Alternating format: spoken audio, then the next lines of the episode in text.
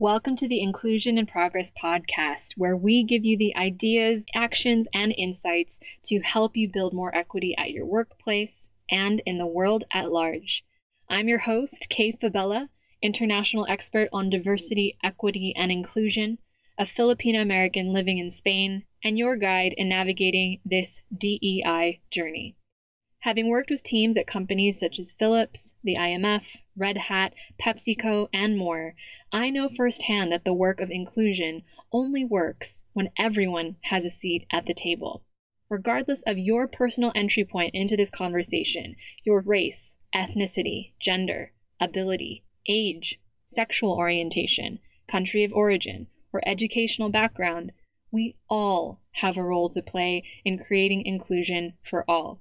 And it starts with us having conversations we need to create the change we wish to see. So let's dive into today's episode.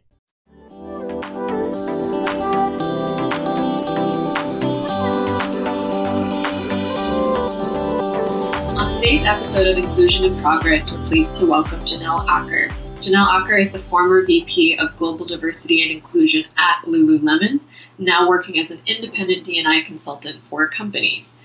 She is passionate about creating brave spaces in the workplace where everyone can feel a sense of community, belonging, and support. I hope you'll enjoy the episode as much as I enjoyed this conversation, and I can't wait for you to tune in. Hey, Janelle, welcome to Inclusion in Progress. I'm so excited to have you here with us today. Thanks, Kay. Thanks for having me. It's an honor to be here. Absolutely. You know, obviously, we were connected through our mutual friend, Mandy, and she just could not stop singing your praises. So I'm super excited to have your wisdom and your knowledge on the show with us today and really diving into brave spaces and really diving into that concept today for our listeners. Yeah, thank you. I'm excited to talk about brave spaces. Absolutely. So, before we dive into this concept of a brave space and how you have this at work, could you tell us a bit about your journey, how you got started in the work that you do? Sure. Yeah, I've been I've been working in the corporate space in America for about 15 years. And before that I worked in the university setting. And I think throughout my career, which was mostly in human resources, but throughout my career, I've had intersections with diversity and inclusion, whether it was leading affinity groups myself, or being on diversity councils, or being just a, an advocate and vocal about the needs of underrepresented populations um, throughout all my time. But over the past few years, I have been leading the global diversity and inclusion efforts for an apparel brand uh, named Lululemon. And then I recently actually left Lululemon and now um, taking some time to focus on my family and also do some consulting in the diversity and inclusion space.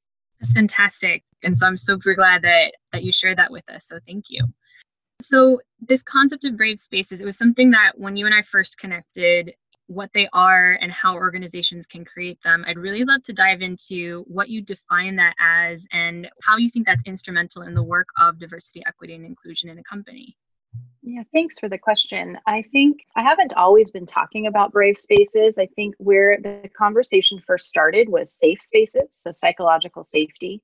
And what I came to realize when trying to create safe spaces in a workplace was that I myself could never really guarantee psychological safety in any given situation. And so when I really understood that, because it, safe space really is defined by every individual. I might feel safe in a meeting or in a conversation, but the person next to me might not feel safe based on their past experiences or current experiences or their social location in that conversation. And so when I realized, you know, that it was really out of my power to guarantee a psychologically safe space, I shifted the mindset and the focus to this concept of brave spaces. And and I didn't coin this term, and this isn't my own term. Um, there are many people out there that talk about brave spaces, but it's really worked for me and our organization. Really, what a brave space is, there's there's two components to it. And I think a lot of people jump right to brave spaces being a place where someone speaks courageously and that is absolutely part of it. But I think what's more important is the listening aspect of a brave space. So, really, how I define a brave space is, is twofold. It's one, it's listening with curiosity, grace, and empathy. And then on the other hand, it's speaking with courage, conviction, and respect. And so, with that, every single individual in a space, whether it's a meeting space, a Zoom room, an organization, can play an active role in creating brave spaces because I myself can focus on listening with curiosity, grace, and empathy, and that contributes to a brave space. And I can also think about how I speak, speaking with respect, speaking with courage and confidence. And so, really, you know, the foundation of a brave space is that listening and that speaking and both sides of that coin. And the reason I have focused on this is in my time working in diversity and inclusion, I find that a, a key foundation to creating a culture of inclusion and belonging is this feeling of brave spaces, is this understanding that any individual at any given time can authentically speak their truth and without that fear of of the people on the other end listening without that fear of them judging them for what they're saying dismissing their comments or shaming them for what they're saying. And so really creating that space where they know that individuals are listening openly and being curious in how they're listening to what they're saying. And so i've seen it in action. I've seen this come to life in meetings and in organizations and it's really powerful. It really shifts the energy of meetings and of conversations. And and i find that when meetings are done and if they've been operating within a brave space that they're more productive their people can leave that meeting and feeling that they were like they were seen valued and heard. And they can leave those meetings feeling more engaged more valued and it's just um it's a really powerful tool and experience for any organization, I believe. And to be honest, brave spaces can be anywhere. They can be in your home. I've been really working on creating brave spaces within my home with my three kids and my husband and I, but also obviously the workplace, which is what you know you and I are talking about today. Um, more so is is how to create those brave spaces in the workplace and what organizations can do to foster these spaces. I love that. I think that it's such a critical distinction that you made between psychological safety like creating bravery, like creating mm-hmm. or rather cultivating a conversation that requires people to show up in, in whatever brave means to them. Such a powerful distinction. And I know that it's always the ongoing challenge, right? Is you have the the people who are leaning into those brave spaces who either come from say a majority culture a majority group and those who come from the non-majority groups and mm-hmm. are underrepresented because of historical exclusion, because of systemic racism, those unseen things that could mm-hmm. affect whether or not they're they're leaning in authentically into those conversations. So I'm curious to hear from your perspective, how do you speak to or if somebody's listening to this and comes from either one or other the other side of the coin, how would you encourage them to start creating that brave space where they are uh, in the organization if they are from majority or a minority background? Yeah, that's a great question because it will be experienced differently whether you're in the majority or the minority of any population. And so, what I would say, let's start with if you're listening and you are from an underrepresented group, so a minority group within a conversation or within an organization. I think first and foremost is modeling this yourself as you are an active listener in any conversation, um, really gut check with yourself. Are you yourself listening with curiosity, grace, and empathy? Are you seeking to understand what the other person is saying? Are you, in some ways, putting yourself in other people's shoes and understanding what might it be like to be in their shoes and why might they be saying the things that they are saying based on their experiences and their social location?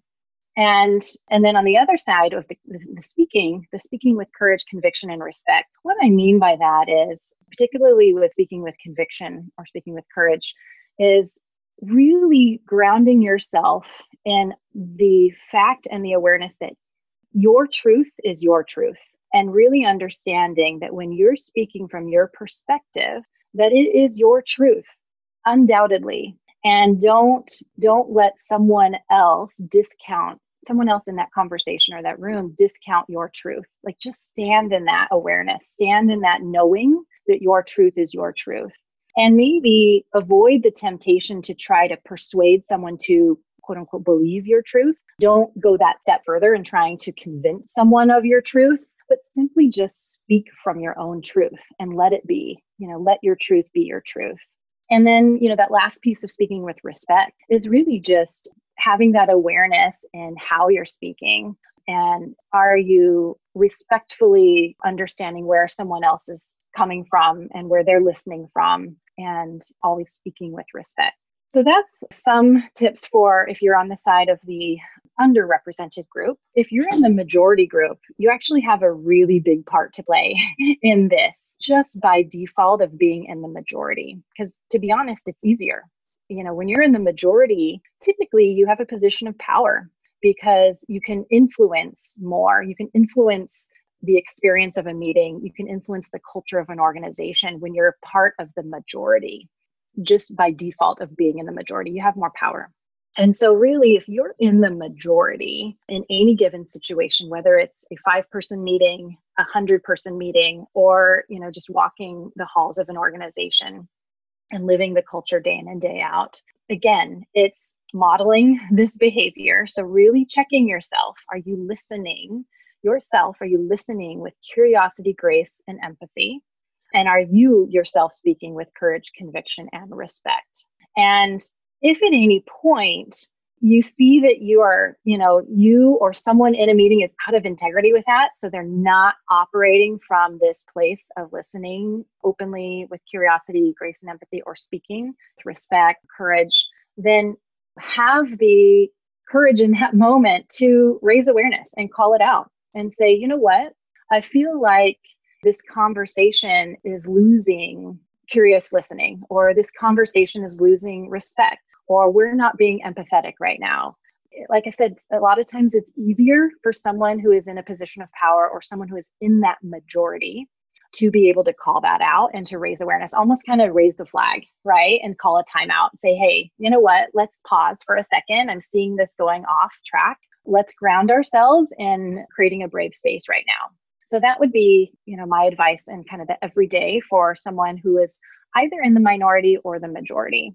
I really appreciate you breaking it down like that. It's such a useful framework, which I love for anyone who's listening because, as you and I both know, you come from such different entry points into the DEI or diversity and inclusion conversation. Mm-hmm. And so, mm-hmm. just to know that you can lead that way individually and not feel like, oh, this is beyond me or, oh, this is, I'm waiting for my company or my diversity lead or diversity lead who's going to be hired or whoever it happens yeah. to be to actually lead the conversation. These are actionable things that you can do on a daily basis, which I absolutely love. So I'd love to switch gears here because the big reason for why our work exists is because there are groups that continue to be underrepresented. Mm-hmm. And I know that, you know, one of the reasons you and I connected as well is because of how open you were about your mental health journey. And I know that that's such an intrinsic part of the conversation in diversity and inclusion around how do we also make sure that the folks who are generally tasked with the most mental labor mm. in leading these conversations and are also dealing with their own emotions, traumas, covering um, whatever their specific situation is, because they tend to be onlys or underrepresented or don't have as many folks like them in the room, what can you speak to this idea of why mental health and well-being, and especially given the time that we're recording this in the midst of a pandemic, mm-hmm. going to be so powerful and so critical to how we not just create these brave spaces moving forward, but actually build inclusion in our companies and in the world at large?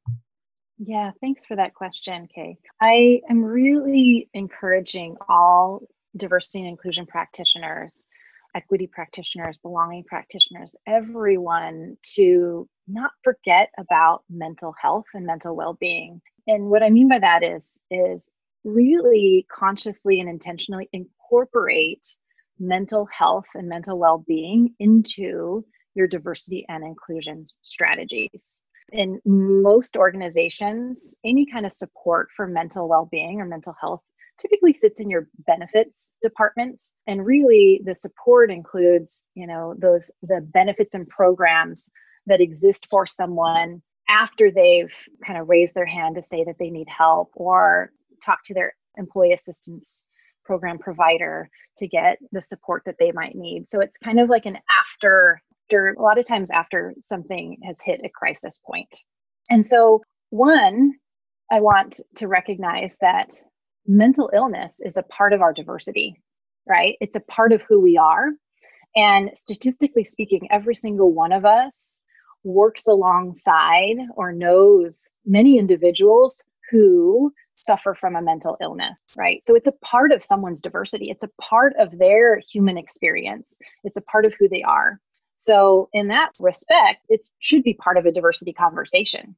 And on the inclusion side, what I'm really fighting for is to when we when we talk about creating inclusive cultures and creating places where everyone feels a sense of community belonging and support again i don't want to lose sight of those individuals who suffer from mental illness oftentimes silently who are suffering silently and need that support need support need to know that they don't need to pretend that they're someone that they're not, who feel they come into the workplace or join a Zoom meeting and they have to put on a facade that everything is okay and they can't speak openly about what they're going through. That is a form of, you know, n- non inclusion, right? And so when I talk about creating inclusive spaces, inclusive cultures where every single person can be seen, valued, heard, can feel a sense of community belonging and support, and when I talk about mental health and mental well-being, what it would look and feel like is that that people can talk openly about what they're going through and about what their needs are, right? So it's reducing that stigma around this topic. And so if I myself, Kay, you mentioned I myself have dealt with depression silently for over 20 years. And it wasn't until 2018 that I shared with my coworkers that I am not well. I haven't haven't been well for a long time. And it was quite surprising to everyone because I did a really good job of hiding it. And I did a really good job of putting that mask on and acting as if everything was okay.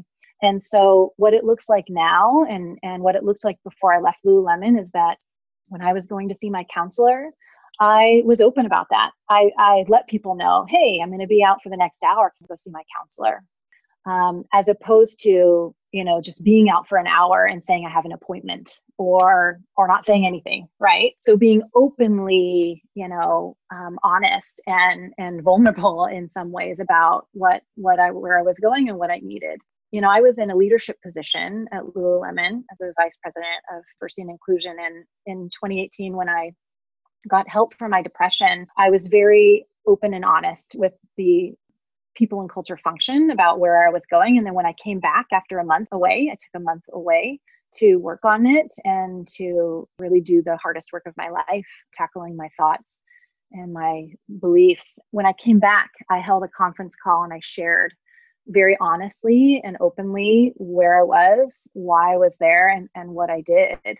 And the next year after that, we saw a huge increase in people within the people and culture function also taking time off for stress or anxiety or depression to get well. And Kay, I don't think that is a coincidence. I really believe because me being a senior leader, being open with my own journey and showing people within the organization that it was okay to not be well and it was okay to take time for myself to get well it opened the door for so many others to do the same thing. And for many of them, and I talked with many of them, so I know that it's true, they had been suffering silently for years as well. And they knew that they needed to get help and they just didn't know how. And they didn't, they honestly worried about what would happen when they came back. They be excluded? Would they be treated differently? And to be honest, I think there's still work to be done in how to better support people when they've opened up about their needs and, and their challenges how do we better welcome them back into the workplace and ensure that they feel included and that that that we don't inadvertently treat them differently? And i think there's still work to be done there. And and i don't necessarily have the answer. I think that we all have to be in it to solve it. But i honestly think that if we create a culture of inclusion for everybody, including people with mental illness, we can start to support our individuals before it gets to the the program side of things, the benefit side of things, and really support them more holistically in that entire journey of mental health. Because a mental illness can really come about at any point in anyone's life right? It's not that necessarily that they've experienced it their whole life they could it could come on in their 20s and their 30s and their 40s it can it can come on at any given point and so how do we ensure that when it happens if it happens for someone and they experience this how do they know and understand that it's okay and that they can talk about it at work with their managers and get the support and the help they need at the time that they need it. And they don't have to wait years and years and suffer for years and years before they realize that it's okay or they feel like it's okay to um, to get the help that they need. I truly appreciate you sharing, Janelle, and thank you. I know there are so many folks listening to this podcast who may or may not have been able to name whatever mm-hmm. they're experiencing, especially now given as somebody who herself has also experienced depression and anxiety um, and continues to go through bouts and state and seek out that help when I need it, it's really important to know to give visibility to this. And as such a critical, as you said, component within diversity, that's just as important.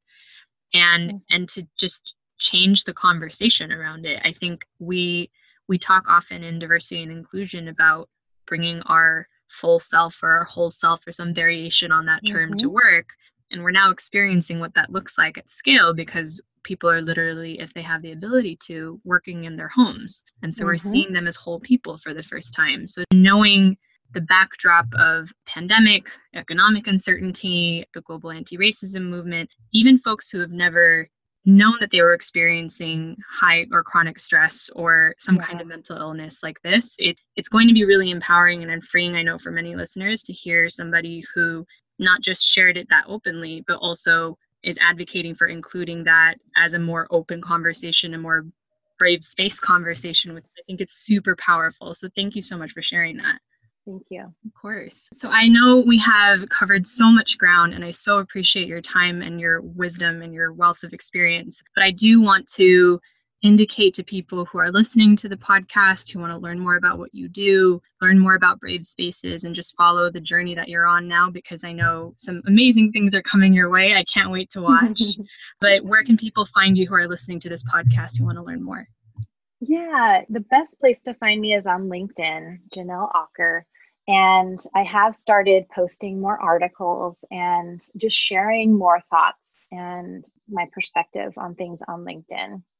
And my hope is that, you know, by talking about some of these things that aren't always discussed in a professional setting, I think um, the more we can talk about it, or even just read about it or listen to it, you know, you don't even have to actively engage in my post but just read it and read the comments and really take it to heart. I think um, it, it helps move the needle in for everyone around emotional intelligence. And so, yeah, definitely check me out on LinkedIn.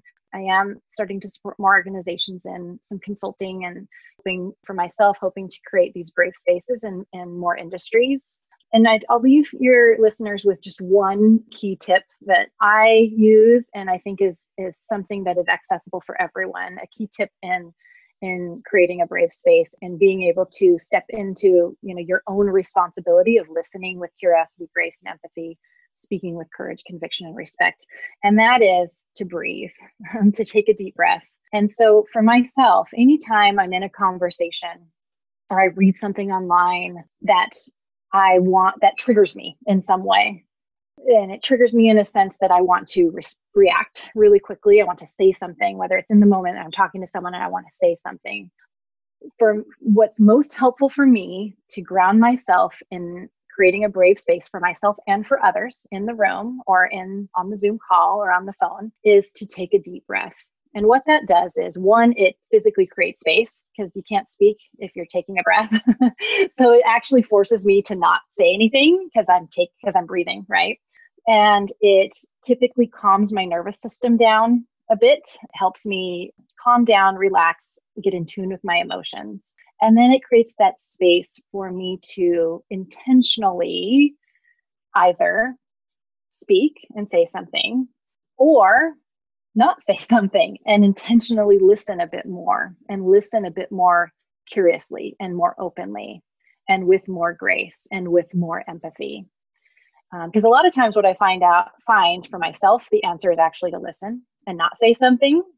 And many times it is an opportunity to say something but at least i know that i've paused and i'm ready to speak with intention to speak mindfully to speak with respect and to speak with my truth so that's my tip for everyone to practice um, that deep breathing before you respond to anything any situation I love that. It's such a beautiful way to end our, our time together. And I know there's so much wisdom in what you shared. Sometimes it's the simplicity, right? This is a micro action that you can take with you. Yes. Yeah. Exactly. Really that. Well, thank you so much for joining us on the podcast today. I really appreciate it. Thank you, Kay. Thanks for all that you do. I really just admire your work, admire who you are, um, your unique journey that you've taken on this life. And I see you as a truly servant leader and, and you share so much on these podcasts. So thank you so much. And thanks for having me. Thank you, Janelle. That really means a lot. I super appreciate you. And I know it won't be our last conversation. Fantastic. Well, and for those of you who are listening to this episode, there were so many golden takeaways. Um, Janelle was just so generous with us. So please be sure to tag her or myself on social media. Let us know your favorite insights from our conversation today. And of course, don't forget to subscribe, rate, and review the podcast on iTunes, especially because every bit helps us to get this message, the tools and resources shared on Inclusion in Progress to the people who'd most benefit from a more inclusive world. Thanks again for tuning in, and I will see you in next week's episode.